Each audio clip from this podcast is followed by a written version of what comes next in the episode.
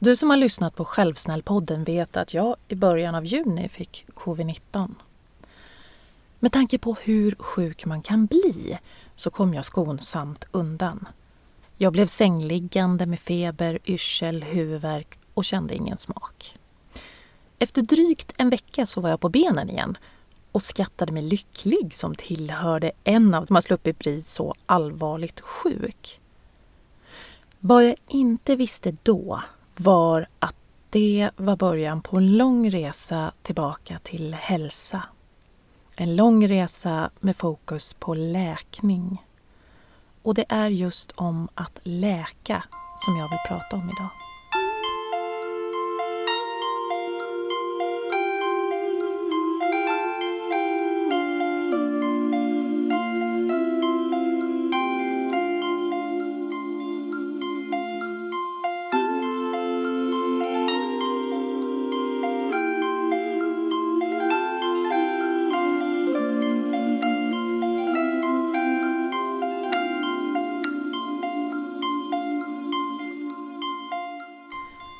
Välkommen till Självsnällpodden med Maria Helander.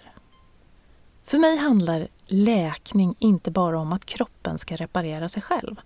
Att läka är en djupare process som har många dimensioner. Det handlar om att hitta ett tålamod och att inte slå på sig själv eftersom det alltid tar längre tid än man har, än man har förväntat sig. Det handlar om att inte låta sorgen och smärtan smärtan över att kroppen eller själen inte fungerar som man vill styra ens dagliga val. Och att kunna se att läkning handlar om att bygga upp någonting nytt.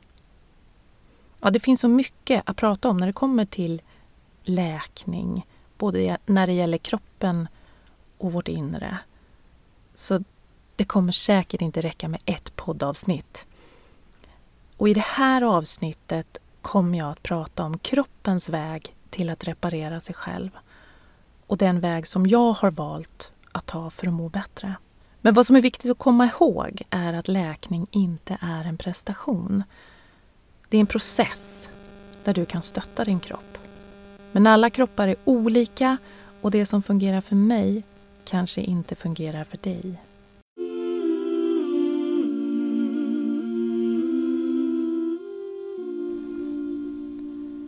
Jag tyckte att det var konstigt att jag aldrig blev riktigt pigg. Efter den här veckan när jag var som sjukast så kändes det som att hjärnan gick på lågvarv.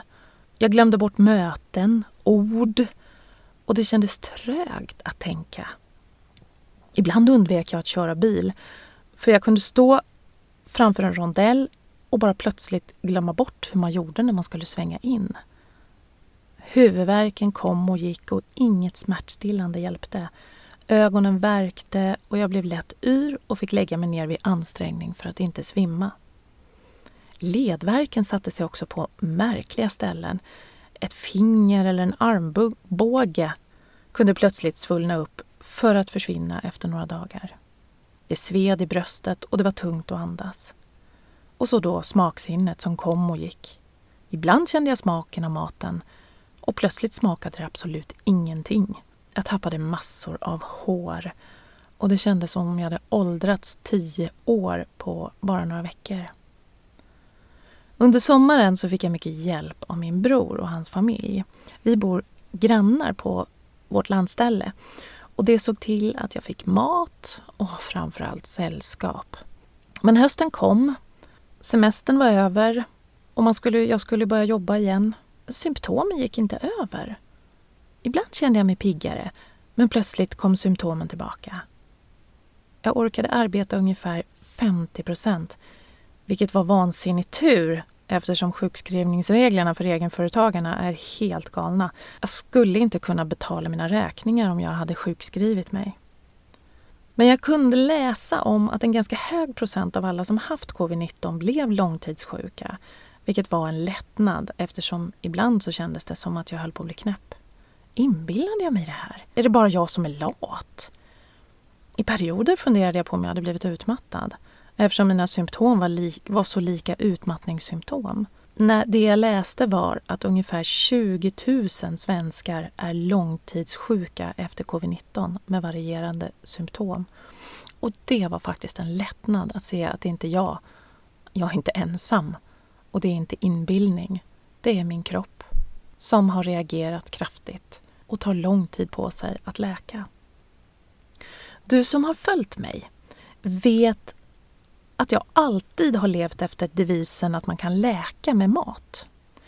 När jag var 16 år fick jag diagnosen psoriasisartrit och Sjögrens syndrom som båda är reumatiska sjukdomar. Och jag blev satt på medicin mot verkande och svullna leder. Det var inte mycket som hjälpte. Inte ens medicinen. Jag hade svårt att röra mig normalt vilket var otroligt frustrerande för en 16-åring när jag plötsligt inte kunde göra saker och ting som andra normala 16-åringar gör. Inte gå i trappor, inte vara ute och festa med mina vänner på kvällarna eller på helgerna. Och jag fick ändra om mitt liv ganska rejält. Men två år senare, när jag var 18, så skickade mina föräldrar mig på ett hälsohem. Och där lade man om kosten helt och plockade bort gluten, mejeri och kött. Då hände någonting fantastiskt. På tre veckor på det här hälsohemmet så gick jag från att linka fram med svullna leder till att kunna springa. Och efter det så har jag vetat att kosten är en viktig del för vår hälsa. Så för åtta veckor sedan bestämde jag mig för att göra vad jag kan för att bli bättre.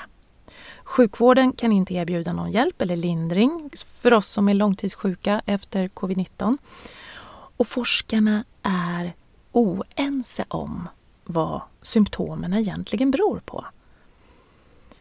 Jag hittade en forskare som menade på att viruset påverkar immunförsvaret så kraftigt så att det till slut vänder sig mot den egna kroppen. Att man får symptom som liknar autoimmuna sjukdomar. Så jag googlade och läste på och ramlade över dieten AIP, eller det autoimmuna protokollet.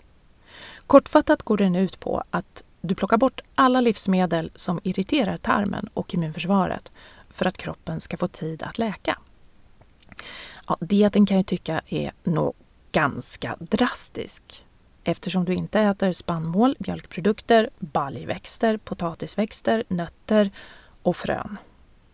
Ja, vad blir det kvar? Ja, kött, fisk och grönsaker. Och du äter den här dieten strikt under minst fyra veckor, upp till tre månader.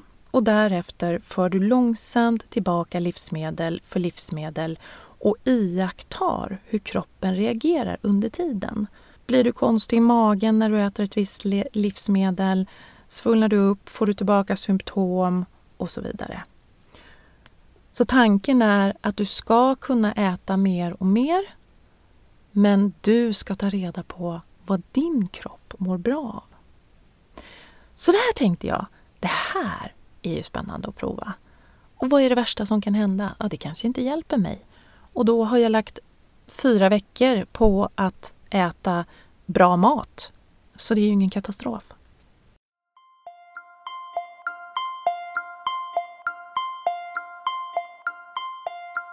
Men jag kan säga det, att de första dagarna när jag la om min kost så mådde jag skit på ren svenska. Symptomen blev avsevärt värre. Men strax, så där efter tre dagar, så började jag märka en positiv förändring i kroppen. Det är ju otroligt hur fort det går. Hjärndimman försvann. Inflammationerna i lederna likaså.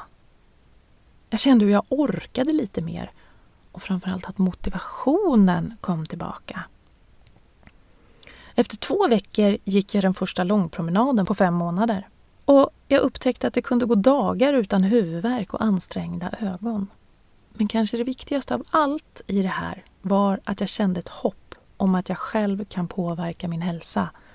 Att jag är på väg tillbaka.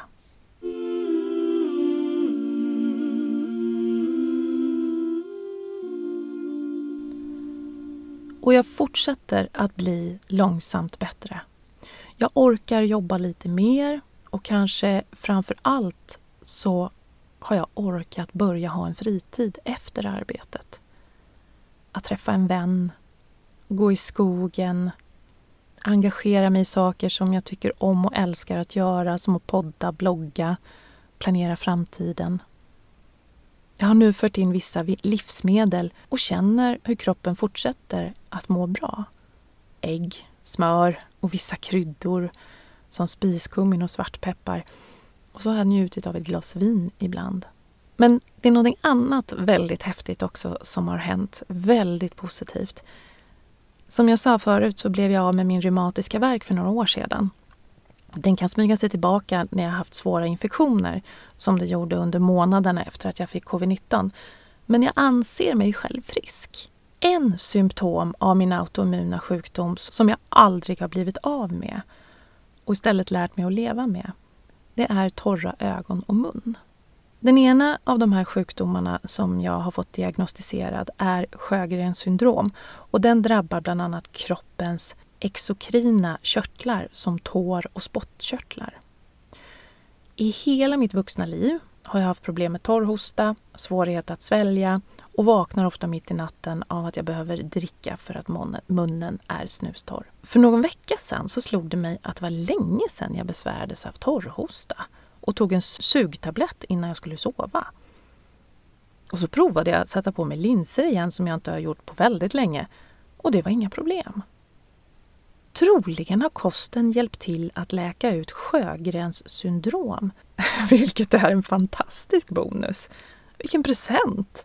Hörni, jag vill också bara säga nej, det är inte synd om mig. Det har inte varit synd om mig en endaste gång under den här tiden.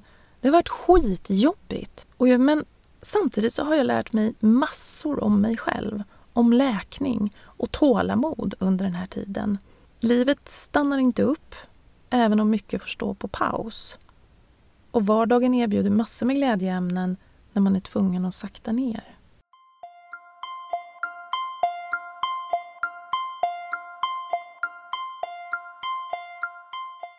Jag har en vän som jobbar med att ge sin skadade hund rehab.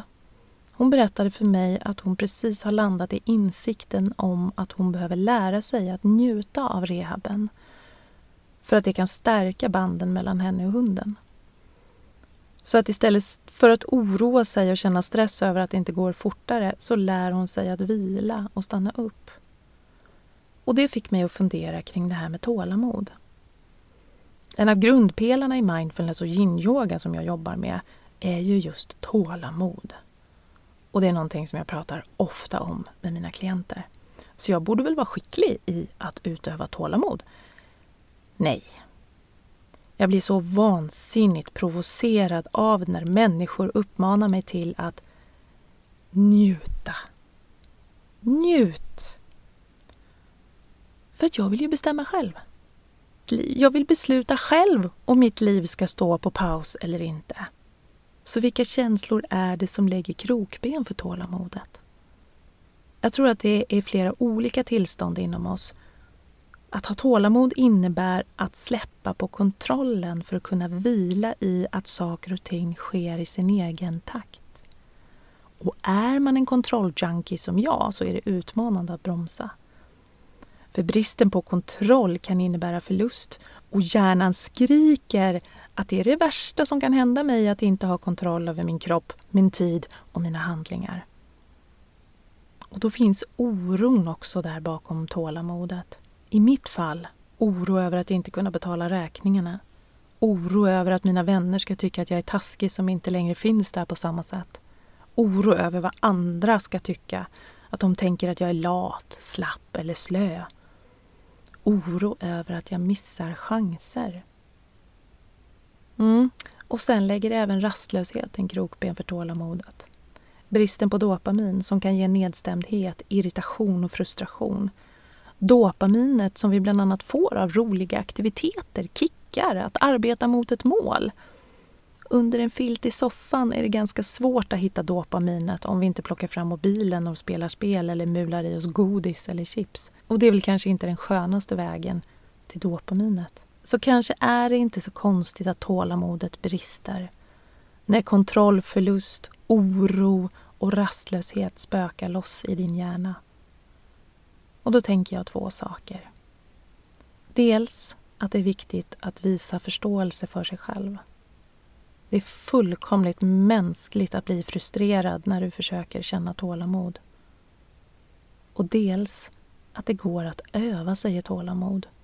För då övar du dig samtidigt i att släppa lite på kontrollen och möta känslan av förlust. För kanske tålamod inte alltid behöver vara en njutningsfull känsla. Det är som att gå till gymmet. Du njuter inte under tiden men känslan efteråt är ljuvlig. För det ligger en tillåtelse i tålamodet.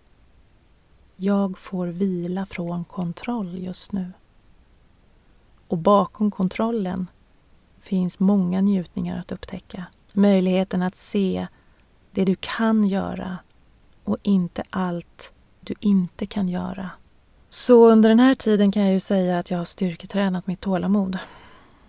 Att öva och träna är att öva, inte att bli bra på en gång. Och då påminner jag mig själv många gånger om att det finns mod i tålamod.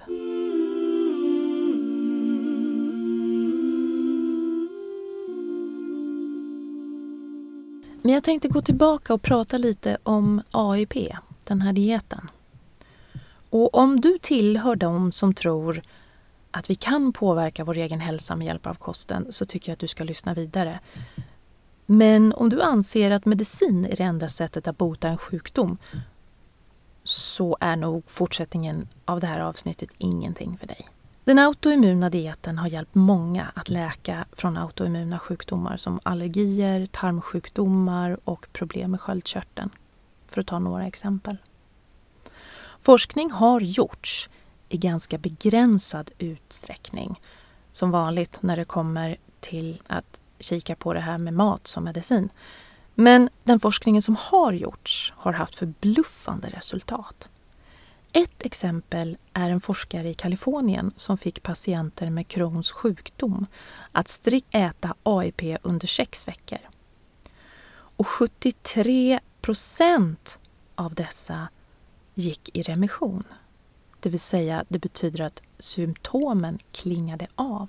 Inga mediciner har haft samma effekt på den här gruppen. Och lite som jag berättade tidigare så går den här dieten alltså ut på att under en period skydda tarmen mot allt som kan orsaka irritation och då samtidigt äta en näringstätad mat så kroppen får byggstenar att reparera de skadorna som finns. Och vad är det som irriterar tarmarna? Ja, men det kan ju vara så otroligt olika. Så därför så gör man från början i den här dieten nämligen att du tar bort allt som kan irritera tarmarna. Det är inte säkert att det irriterar just dina tarmar men från början tar man bort allt. Och därefter så plockar du tillbaka ett livsmedel i taget och utforskar just hur din kropp reagerar. Och det är just den sista delen som jag tror är så viktig. För det finns inte en diet som passar alla. Vissa kroppar behöver kolhydrater, andra mår bra av mer fett. Somliga kan äta mjölkprodukter och andra klarar inte ens av att äta smör. Men vi i västvärlden har proppat oss fulla med processad mat, socker, kaffe och alkohol. Att vi har förlorat den här lyhördheten för vad just vår kropp behöver eller inte mår bra av. Och den här enorma fixeringen vid utseendet gör att vi fokuserar på hur magen ser ut och inte funderar på hur den mår. Men med hjälp av AIP kan vår kropp få läka och du får en chans att börja lyssna på den igen. Det ligger så mycket självsnällhet i det tänkandet. Under 30 till 90 dagar, eller tills din symptom är borta, undviker du ganska många livsmedel som jag sa tidigare.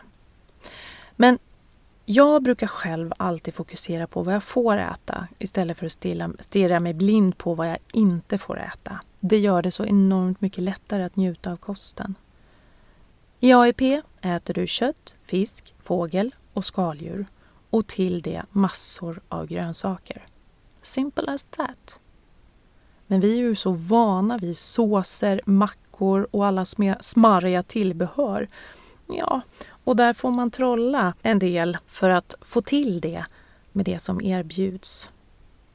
Man undviker som sagt det som retar tarmen och det är baljväxter, spannmål, mejeriprodukter, nötter och frön, potatisväxter, ägg och socker. Vi plockar även bort alkohol och koffein under den här tiden. Sen lägger man till kollagen för tarmens läkning.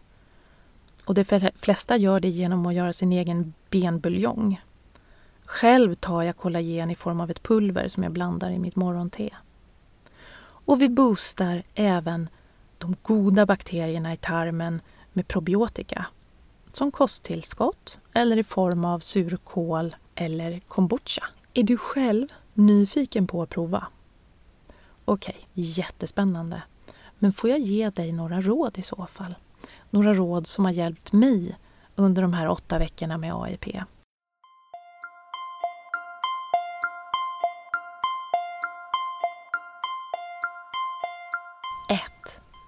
Börja med att läsa på och skaffa dig en kokbok så du känner dig ordentligt förberedd. Själv gjorde jag så att jag lyssnade jättemycket på podden Paleoteket. 2. Fasa ut vissa livsmedel och ändra inte allting på en enda dag. Kroppen kan ju reagera om du går cold turkey med abstinens och försämringssymptom vilket gör det frestande att ge upp direkt. Jag la av med kaffet. Jag är, har varit en riktig kaffetunna. Så jag tog en vecka på mig med att fasa ut kaffet och lägga av med det helt. 3. Sök inte efter att ersätta den där mackan med mackor bakade på tillåtna mjöler utan testa istället att äta andra saker istället för mackan eller den där yoghurten med müsli som du alltid äter. Att ersätta någonting, det blir ju aldrig riktigt samma sak och då kommer du bara sakna den där goa smarriga mackan. Så prova nya grejer istället. Var lite nyfiken. 4. Räkna med att det tar mer tid att planera och laga maten än vanliga fall. För du vill ju inte stå vrålhungrig en kväll efter jobbet och stirra in i ett tomt kylskåp. Då är risken ganska stor att det blir den där mackan i alla fall istället. 5. Hitta några enkla och goda recept med ingredienser som du alltid har hemma. Just för de här dagarna som du verkligen behöver snabbmat. Vi har alla de där dagarna när vi inte orkar vara duktiga. Själv har jag en favorit. Jag steker upp bacon och sen steker jag en matbanan i skivor. Superenkelt och så himla gott. Riktig, riktig snabbmatskänsla när man äter det och ändå bra för kroppen. Eller så äter jag en tonfisksallad. Också ganska snabbt att göra och gott att äta. 6. Kom ihåg att det här är en begränsad period. Ah, om inte allt för lång tid kommer du att få hälla upp ett glas vin igen eller njuta av en kokt potatis om det är nu din, det din kropp längtar efter. Om du vill lära dig mer om AIP så rekommenderar jag dig faktiskt att lyssna på Paleotekets podd. Den ger både djupgående kunskap och nyttiga tips. Och jag tror jag plöjde alla deras avsnitt innan jag satte igång med dieten för att kunna känna mig riktigt motiverad.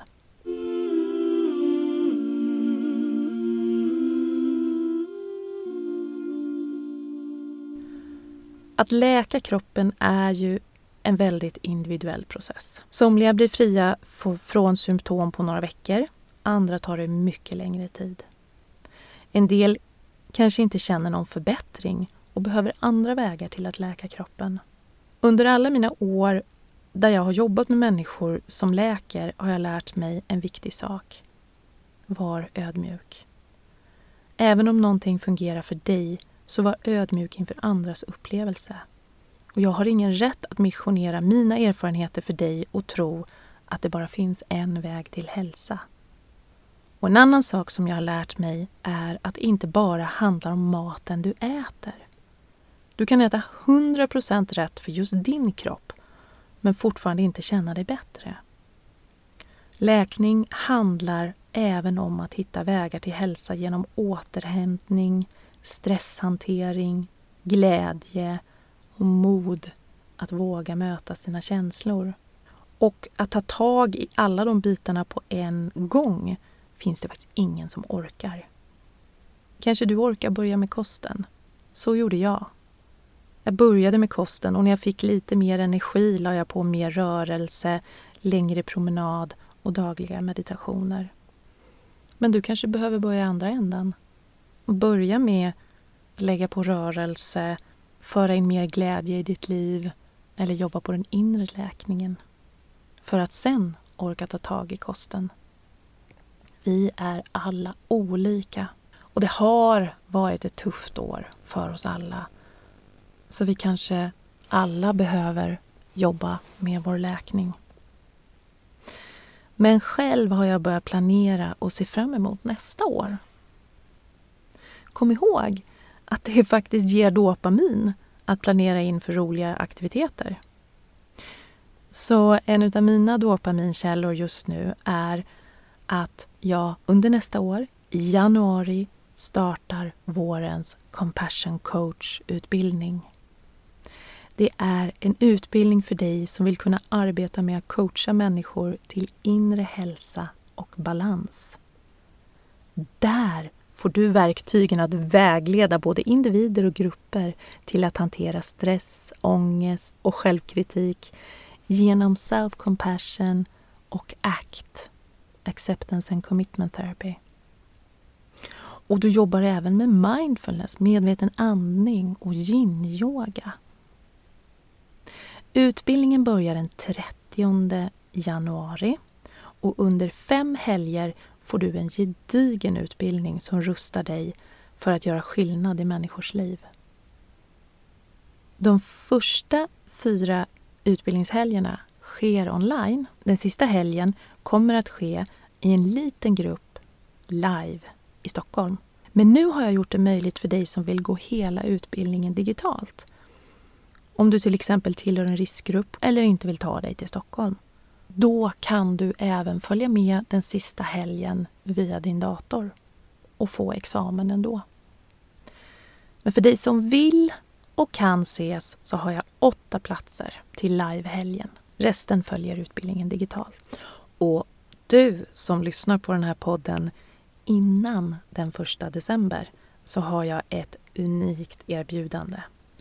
Om du anmäler dig innan den 1 december får du hela 3 000 kronor i rabatt på kursavgiften.